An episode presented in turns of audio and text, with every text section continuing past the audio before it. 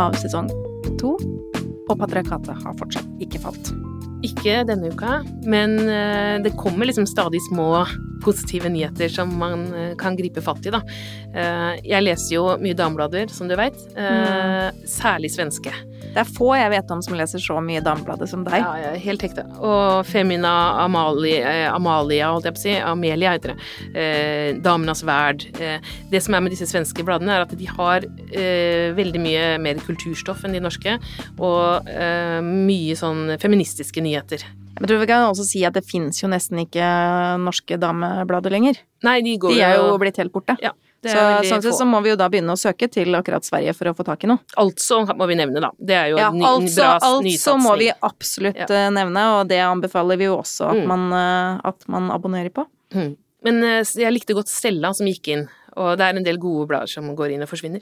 Men i hvert fall, så jeg har tatt med et par nyheter fra kultursmåstoffsidene i Sverige, og det ene er jo denne boka som kommer i disse dager av Sissi Wallin, Mm. som Og er ta en liten oppsummering på Sissi Wallin. Hvem er hun, Ja. for de som ikke vet? Eh, hun er jo på en måte dama som har fått eh, skylden eller æren for å ha sparka i gang metoo i Sverige. Skikkelig. Skikkelig. Blir ofte omtalt som liksom, sosiale medier-personlighet. Eh, men jeg husker jeg så henne første gangen i en film som skuespiller.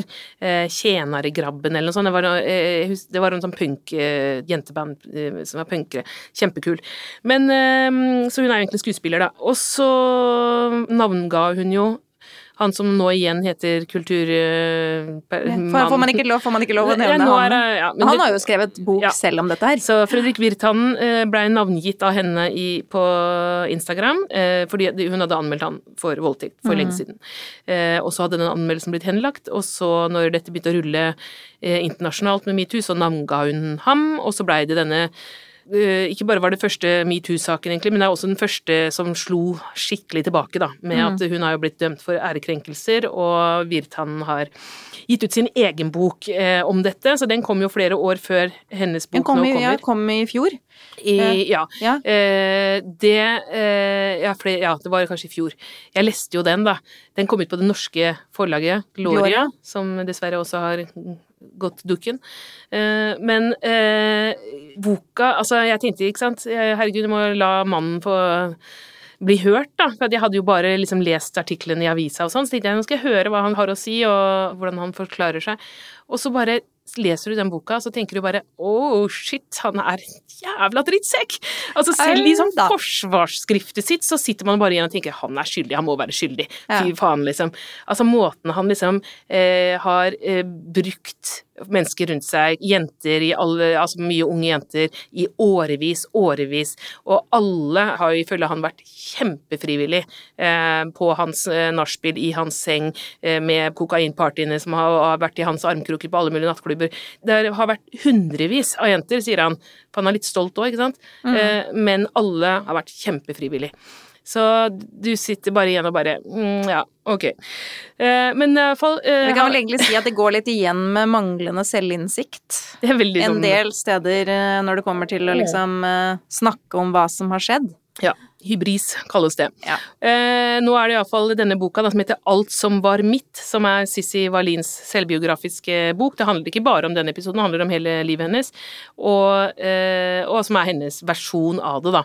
Men så er det jo så veldig mye bråk i forkant, fordi kanskje hun blir eh, anmeldt en gang til for ærekrenkelse. Ja, fordi at hun da allerede har blitt dømt for ærekrenkelser, og at mye av det som Selv om at hun, sånn som hun sier det, har i boken sin uh, sørga for at ingen navn blir nevnt, men at hun forteller det sånn som det er. Så folk vet det jo Ja, allerede. Det er så det er jo litt, liksom så seint. litt sånn og- tullete. Ja, ja. Men der har jo saken også gått på det at et eh, stort profilert forlag i Sverige, da, eh, som først skulle utgi boken, har nå bestemt seg for å ikke gjøre det. At hun nå utgir boken sin selv. Mm. Og den kommer jo også ut her i Norge. Mm. Og det er jo litt eh, interessant i et ytringsfrihetsperspektiv, for Mm. her trår man jo langt ut i hva man kan gjøre og ikke gjøre. Og som forlag så skal man jo også strekke seg veldig langt. Mm. Ja, nei, det var, de trakk seg etter at eh, de hadde fått høre at hun kunne bli anmeldt igjen, da, for mm. uh, ærekrenkelser, og da ville de liksom ikke utsette henne for det. Jeg ville jo heller tro at de ikke ville utsette seg sjøl for det, men uh, Det virker er- jo heller ja. litt sånn, men da er vi jo på vei inn i litt amerikanske tilstander hvor man kan sue their asses for eh, alt mulig rart, og enhver person eller firma som er assosiert med en utgivelse. Mm. Hva kommer det til å ha å si for eh, ytringsfriheten, da? Ja, nei, det, jeg, jeg tenker uansett at denne saken, da, både med hans bok, som måtte til Norge, altså Ja, måtte sant? til Norge og gi den ut, Han ble og, jo hennes... virkelig sånn persona non grata i Sverige, og eh, som journalist og kulturprofil så har han jo han, han har jo ikke noe å leve av lenger. Eh, Jo, nå, tror det begynner å komme seg igjen, men, det? men ja, det var eh, det, ikke sant. Det, det, hans bok handler jo om det, ikke sant, og det store fallet, og hennes bok eh, om dette overgrepet som har prega hennes liv i Mm. 15 år. Og det å ikke bli trodd. og det å ikke bli trodd. Eh, Så det er jo på en måte hovedtemaene her, men alt det vi snakker om rundt, da, med ærekrenkelser og rettssaker og sånn,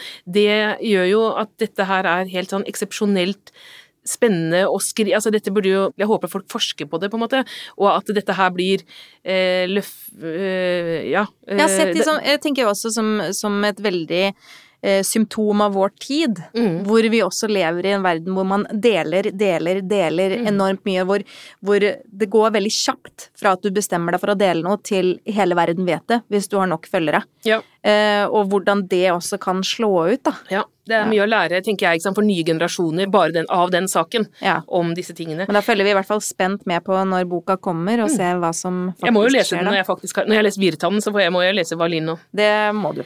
Eh, Så er det en annen notis fra Svensk Damblad. Utrolig kul nyhet. Eh, Denne Matilda Gustavssons boka Klubben, eh, som vi har snakka om før, den blir film. Og det tror jeg blir veldig bra film. Det eh, har iallfall potensial for å bli veldig bra film. Bare, ja. Hvem har lyst til å spille Arnault, liksom? Jeg, tenk, jeg har noen sånne kandidater i huet, sånn uh, Tommy Bergerem, for eksempel. En sånn uh, fryktelig sjikanøs slask. slask. Han føler jeg passer så bra til Ja. å spille Eller blir sikkert Michael Persbrandt som vanlig, da. Ja, men, men det skal bli spennende å se. Og så spørs det jo også veldig hvilken vinkling de velger. Om Mm. de velger å gjøre det som en, som en adopsjon i et med sånn narrativ, eller om at det blir noe mer dokumentarisk. Mm. Det gjenstår jo å se. Men det blir i hvert fall veldig spennende når det skjer. Men på tale om klubber. Ja. Vi har jo snakka mye om sånne klubber og foreninger og sånn som bare har med seg menn, og bare menn får lov å være medlem. Ja, denne Ja. Sils, den, ja, den Det som- norske det norske selskap. selskap og sånn, ja, det har vi Ja. ledd mye av. Men det er jo også, og har jo også historisk vært, en del sånne klubber og foreninger og den slags som bare har kvinner. Ja, det har det, ja. Jeg eh, har en Jeg driver og lager en tegneserieoppfølger av Kvinner i kamp med Jenny Jordal. Og da eh, har vi tatt med dette med disse kvinnelige salongene som har prega eh, damer opp igjennom. Fordi at eh, Altså, ikke damer, men eh, kvinnekampen, da. Mm. Fordi eh, mange århundrer så var det jo ikke greit for kvinner å være i offentligheten, opptre i offentligheten og snakke offentlig i det hele tatt. Eh, dermed så oppsto disse salongene for at kvinner som har lyst til å diskutere politikk eller litteratur, kunne gjøre det med hverandre i hjemmene sine. Mm. For at de kvinner hørte jo hjemme i hjemmet, og da uh, var det litt sånn greit med en sånn salong, da, så lenge ikke du sa eh, høyt at den handla om politikk. Og eh, det oppsto nærmest i Frankrike. Det har vært tidligere tider også. Det er jo sånn også, men kontinental Ja. eh, vane. Du har jo også hatt en del eksempler på det Tyskland, Ja. mener jeg. Og Italia overalt. Men, men de franske salongene eh, markerte seg sterkt fordi etter revolusjonen i Frankrike så var jo damene De var jo veldig involvert i revolusjonen, og så blei de innmari skuffa eh, etterpå fordi eh, at ikke de var blitt tatt med i dette frihets- eh, Nei, og for da var det broderskapsbegrepet. Plutselig broderskapet som var viktig igjen. Ja, det var liksom bare, bare mennene som var med. Og etter at Napoleon tok over, så blei det mye verre for damene. Og det var jo da Da blei jo også sånne salonger forbudt etter hvert, så det blei jo holdt i hemmelighet. Eh, en som hadde salonger, var jo Madame Roulat. Eh, hun blei hogd huet av eh, i giljotinen. Og så var det en som het Madame de Stahl, eh, eller Germaine Necker. Hun, eh, av en mirakuløs grunn, så ble hun ikke hogget huet av, og det var jo veldig bra, fordi hun, hun var på en måte Hun skrev masse bøker etter hvert. Eh, ble kalt for dronningen av Paris. Og eh, mora hennes drev også politiske salonger, så hun var liksom arvelig belasta for eh, interesse for politikk og litteratur. Hun gifta seg eh, med en svensk ambassadør som var baron, men det var et fornuftsekteskap, sa hun selv. Hun hadde mange elskere og til sammen fem barn med disse. Eh, ja, ordna seg ganske greit? Ja, hun hadde det fint, hun. Eh, Madame de Stahl hun eh, traff Napoleon da i 1797, eh, og, og hun beundra han veldig da, i begynnelsen av en eller annen grunn. Eh, men han, eh, det gikk ikke begge veier. Han syntes det var helt fryktelig at hun begynte å gi han politiske råd og blanda seg inn i politikk, for det hadde jo ikke kvinner noe med. Eh, så, men det var liksom det første møtet da, mellom de. Eh, etter hvert da, så ga hun ut en studie som het Om litteraturen, som handla om at det er en sammenheng mellom et lands politiske system og litteratur. Så hun var ganske tidlig med sånn litteraturanalyse, rett og slett. Ja. Eh, bare i frie stater kan en fri tanke utfolde seg, skrev hun. Denne boka vakte oppsikt. Etter hvert så kom eh, en roman som het Delfin, eh, som ble tolka som et politisk utspill, og da Napoleon han ble forbanna igjen og sa at, nå, at hun måtte forlate landet, da. Ja, en sånn liten mann med stort ego. Ja. Det skal man passe seg for. Absolutt. Eh, hun jo da, var jo som sagt gift med en eh, ambassadør og baron, så hun hadde et slott i Sveits å trekke seg tilbake til, så det var ikke det verste. Huffa meg. og her fortsatte hun med politiske salonger eh, og diskusjoner med de store menneskene i sin tid. Eh, og fortsatte også å skrive. Corinne var en bok, Dalmagne, som handla om Tyskland. Eh, den destruerte Napoleon hele opplaget på. Ehm, men hun da fortsatte med elskere og kunstnerfolk å omgi seg med dette. Det er jo en fantastisk historie, og så gøy eh, når man ser den tegna ut. Eh, ja, det, det, bare, det bare gleder jeg meg så innmari mye til å se akkurat tegneserieversjonen av av denne kvinnen og alle elskerne. Det er så deilig at hun ikke ble drept, for liksom nesten alle de vi skriver om, ble jo til slutt drept, eller så tok de livet av seg. Ja, det er mye som ble skutt, ja. kasta i en kanal, ble ja. hogd huet av det, det, er, det, Kvalt med sitt eget sjal. Det er det, uh, mye tragiske historier om de som har våget seg frempå ja. å snakke feminismens sak. Mm, men ikke uh, Madame de Stahl, hun uh, koste seg. en annen dame som koste seg i Paris, eh, samme by, 100 eh, år seinere, det var Gertrude Stein. Amerikaner, egentlig, da. Eh, da blomstra på en måte salongkulturen opp igjen i Paris på den Det er akkurat den tida der vi hadde hatt lyst å leve og være ja. i Paris. Og, og, være en rik kulturpersonlighet, da, helst. Det også, helst. Ja, ikke en fattig Nei, vi måtte jo ha kommet oss inn i akkurat den svingen der. Ja. Det var jo etter første verdenskrig så blei Paris en sånn internasjonal samlingsplass for kunstnersjeler og intellektuelle av alle slag. Veldig frilynt eh, stemning. Det var billig å bo der. Eh, det er liksom litt sånn, sånn som Berlin eh, blei i vår tid, da. Sånn ja, Berlin var det jo også litt på samme tid. Ja, og det er det, det som er litt sånn gøy med de to tvillingbyene, for du hadde utrolig mye sånn fritt liv. Mm. og spesielt for de som kunne være kunstnere og hadde råd mm. til å være, leve det frie livet, da. Mm. Hun, hadde jo, altså hun var jo veldig fri. Hun hadde jo lesbisk kjæreste og var helt åpen om det. Mm. Alice B. Toklas.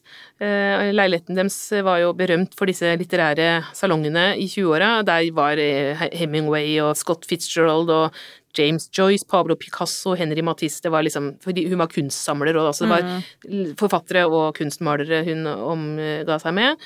Det var hun som fant på begrepet The Lost Generation, som ble brukt om denne gjengen her, da. Eh, hun var veldig produktiv, skrev eh, flere hundre skuespill, dikt, romaner, og det klarte hun å, å gjøre da, fordi denne Alice Toklas, hun passa på at uh, Gertrude fikk ro til å skrive. Uh, hun var liksom dørvokter og sekretær, manager, muse selvfølgelig, redaktør, oversetter og ikke minst kokk. Jeg vil jo si at Gertrude Stein var jo den ultimate kulturmannen. Hun var så kulturmann. Selv om på en måte hun kunne framstå som litt sånn progressiv og moderne i litteraturen, og eh, på mange måter så var hun reaksjonær når det gjaldt kvinner. Mm. Eh, eh, praktiserte fullstendig kjønnssegregering i dette hjemmet. Eh, det gikk ut på at eh, kunstnerhustruene, altså koner og elskere og damene til disse mennene som eh, var invitert, de ble liksom tatt til side allerede ved inngangsdøra. Da, da ble de bare slusa inn på kjøkkenet til Alice, mens, og de ble liksom forventet å snakke om privatliv og opp matoppskrifter, mens Gertrude og mennene da kunne snakke i fred om litteratur og politikk og kunst. Så, selv, noen av disse damene var jo kunstnere selv. Det brød ikke Gertrude seg noe som helst om. ikke sant. Så, men eh, det var jo veldig fint. Eh, hun Alice hun fant seg i dette og veldig mye annet, og sto trofast ved fruas eh, side da, til Gertrude døde i 1946. Og da ga Alice B. Toklas ut sin eh, kokebok, eller Alice B. Toklas cookbook, som var en blanding av eh, minner fra reiser som de hadde gjort sammen, mennesker de hadde møtt, og ikke minst måltidene. Det er en klassiker som egentlig enhver som er både litt kulturinteressert og matinteressert, eh, bør se nærmere på. Mm. Det er en veldig fin bok. Så det er jo helt eh, da ser vi på kontinentet, og vi ser at det var masse sånne salonger og kvinnesalonger og sånn, men her til lands i Norge så har vi jo hatt mer der har det vært mer tradisjon for foreninger. Mm. Eh, den, eh, vi har jo Skuld, blant annet, som var liksom den første kvinneorganisasjonen, politiske kvinneorganisasjonen i Norge, egentlig, som jobba med kvinnesak. Som ble starta av fem unge damer som eh, ville begynne på universitetet og ta utdannelse. Uh, og, de, og, så blei de de første studentene også, og de diskuterte De kalte det liksom bare en diskusjonsforening, og så blei det jo etter hvert til Norsk kvinnesaksforening, da. Så det var på en måte Noen kalte det leseforeninger. Camilla mm. Collett hadde jo en Les Christiania kvinnelige leseforening, Eh, men det var jo egentlig politiske organisasjoner i skjul, da. Ja, man hadde liksom disse foreningene av forskjellig slag, og det er jo Jeg husker jo veldig godt at min bestemor hadde jo da møter i eh, Sanitetsforeningen. Ja. Sanitetsforeningsmøter hjemme hos seg med hele stua full av eh, nabodamene fra denne lille bygda oppe i Nord-Norge. Mm. Med kaffe og kaker og alt som hørte til. Mm. Og så føler jeg jo at jeg ikke fulgte godt nok med. For jeg tror det foregikk ganske mye avtaler for ting og tang mens de hadde de sanitetsforeningsmøtene. Ja, altså Mange tenker liksom på Sanitetsforeningen som bare sånn De selger sånn fastelavnsris som ingen i vår generasjon skjønner hva man skal bruke til. Eh, og liksom boller, fastelavnsboller, som er verdens rareste oppfinnelse, spør du meg. En sånn bolle med masse krem inni som tyter ut, og så får du melis på nesa og krem i hele trynet, og så er det ikke spesielt godt, liksom. Mens det er sånn som vi i Sverige kaller for en semla, men ja. der vet jo hvordan man skal lage de skikkelig. jeg glemte at du var svensk. Ja. men, eh, men, i hvert fall, eh, nei, jeg har aldri skjønt fastelavn og Sanitetskvinnene egentlig før jeg for noen år siden eh, ble invitert av Sanitetskvinnene til å holde foredrag om eh, skjønnhetstyranniet, for da hadde de begynt å jobbe med det. Og det gjør de jo fordi de hadde forstått at det presset på kropp og utseende er et helseproblem for kvinner. Mm. Og det er liksom det de brenner for. Kvinnehelse. Ja, men det er kvinnehelse, så gjør de jo veldig mye i sine lokalsamfunn. Så jeg må jo si det at det er jo den ene tingen som har kommet ut av denne koronatida, er jo at jeg har fått somla meg til å nå melde meg inn mm, i Sanitetsforeningen. ja. uh, og det var litt med tanke på at jeg tenkte at ok, hvis nå ting braker løs her, og jeg har lyst til å prøve å gjøre noe mitt lokalsamfunn, så må mm. jeg jo finne en forening som jeg vet uh, gjør litt bra ting. Mm. Og da forhørte jeg meg, og så hørte jeg at Sanitetsforeningen mm. de gjør litt av hvert. Hvis folk trenger assistanse og sånn, så kan man liksom melde inn behov. Mm. Men uh, de, de, er jo Norges største kvinneorganisasjon, med mm. liksom 35 000 medlemmer eller noe sånt. Eh, var jo mye større før. For det, det, er jo som du sier, altså den har jo et gammelt image. Det er ikke så lett å få eh, Nei, jeg, liksom, som jeg sier, hva gjorde, hva gjorde, bestemor egentlig Sannhetsforeningen? Ja. Men det var jo liksom den foreningen som fantes. Ja. Og det liksom gjorde jo at jeg også har fått en litt sånn fornya respekt for det min bestemor holdt på med. Mm. Og disse, altså alle husmødrene som man mena bare gikk hjemme og stulla og styrte, de holdt jo på med veldig mye annet òg. Det var jo eksempel veldig mange bygder i Norge og land og sånn som ikke hadde f.eks. for eksempel eller eh, en del sånn helseutstyr som kvinner trenger. Da. Så de, de har samla inn penger til det. De har samla inn penger til å bygge opp barnehager, steder hvor det har mangla. Eh, nå driver de mye med å integrere eh, Integreringsarbeid. Ja, er kvinner kanskje fra min andre land eh, inn i bygda, liksom. Ja, og det er jo superviktig, for det ser vi jo også er kanskje en av de store hemskoene med integrering, er jo at kvinnene blir hjemme, Mm. og at de ikke får lært seg språk. Mm. Så, så det er jo en del de, Jeg syns jo de har fornya seg på en, på en veldig god måte. Det er jo veldig forskjellig, da, for noen steder er det fremdeles veldig sånn der eh, fastelavnsbolle og høy aldersgjennomsnitt. Og så noen steder som jeg har besøkt, så er det liksom faktisk eh, de unge mødrene som har dratt i gang en ny eh, sanitetsforening og fått liksom liv i, i bygda. Og noen av de serverer jo vin og alt sånn. Jeg har vært på sånne ja, eh, Vin og peanøtter, veldig mye bedre.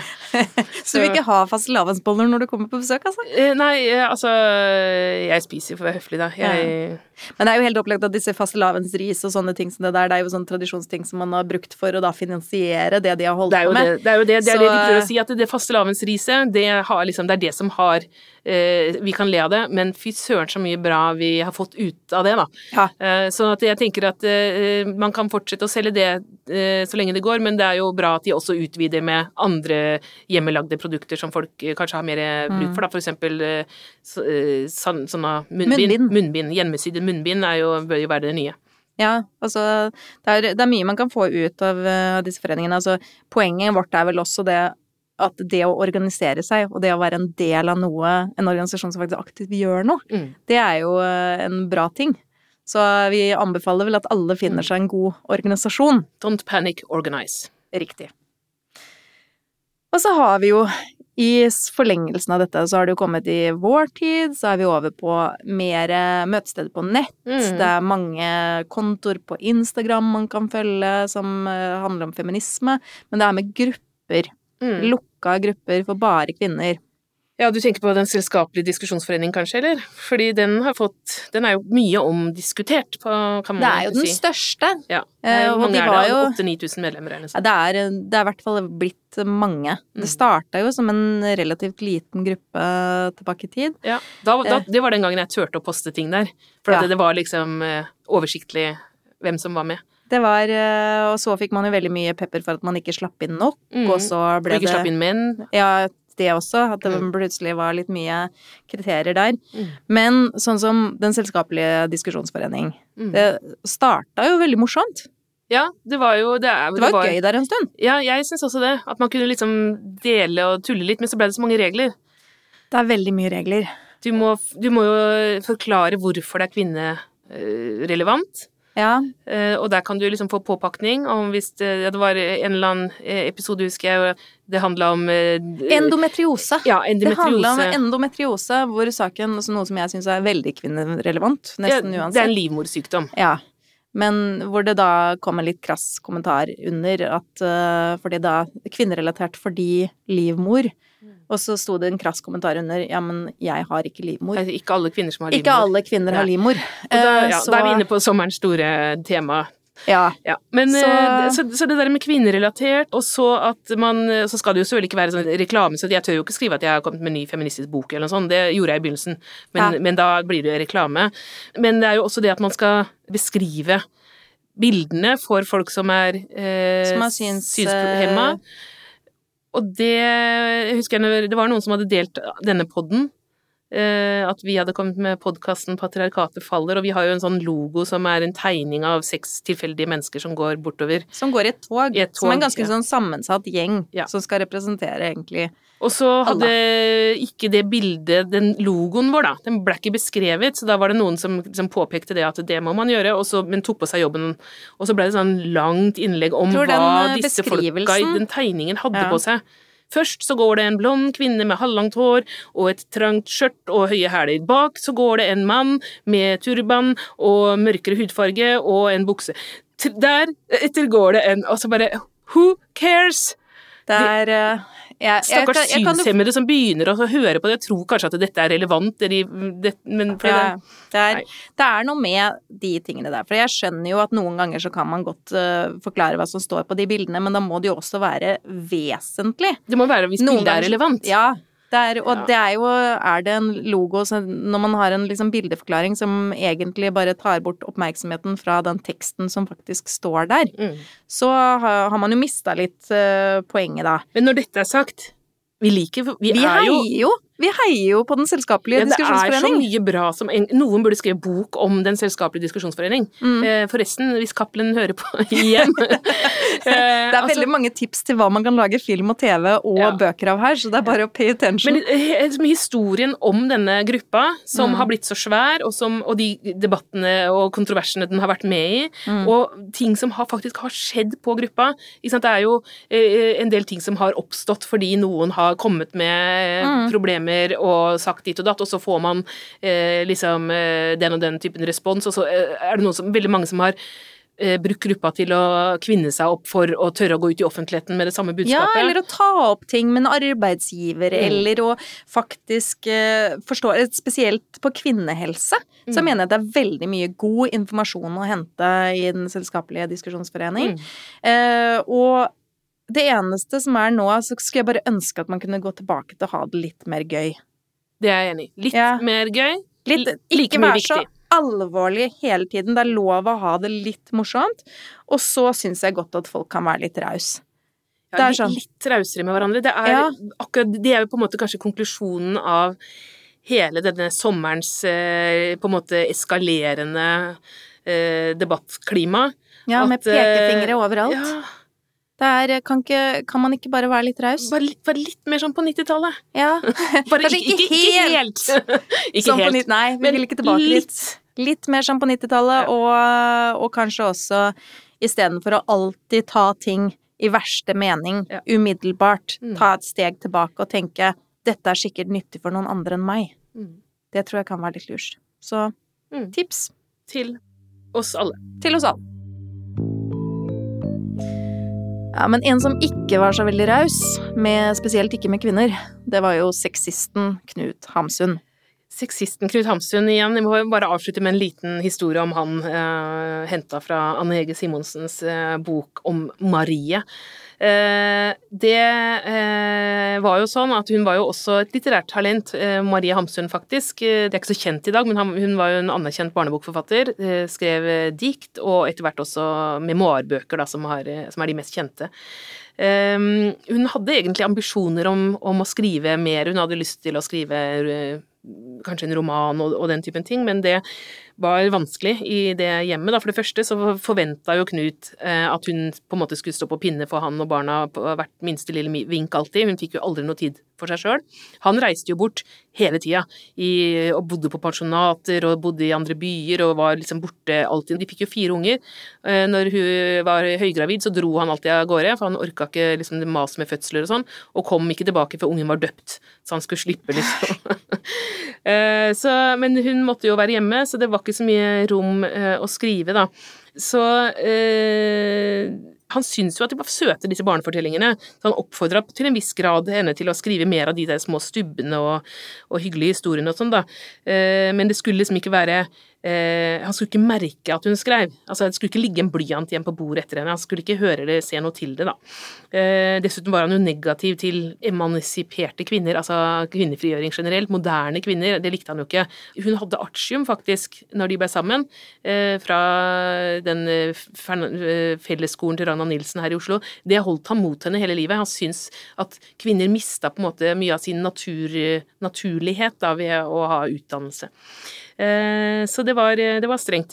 Eh, Så var det en gang hun liksom hadde da sagt at hun hadde, gikk og bar på en sånn romanidé. Da sa han at det er det ikke nok dameromaner i verden. Ja, Ja. Det er eh, Det var Knut.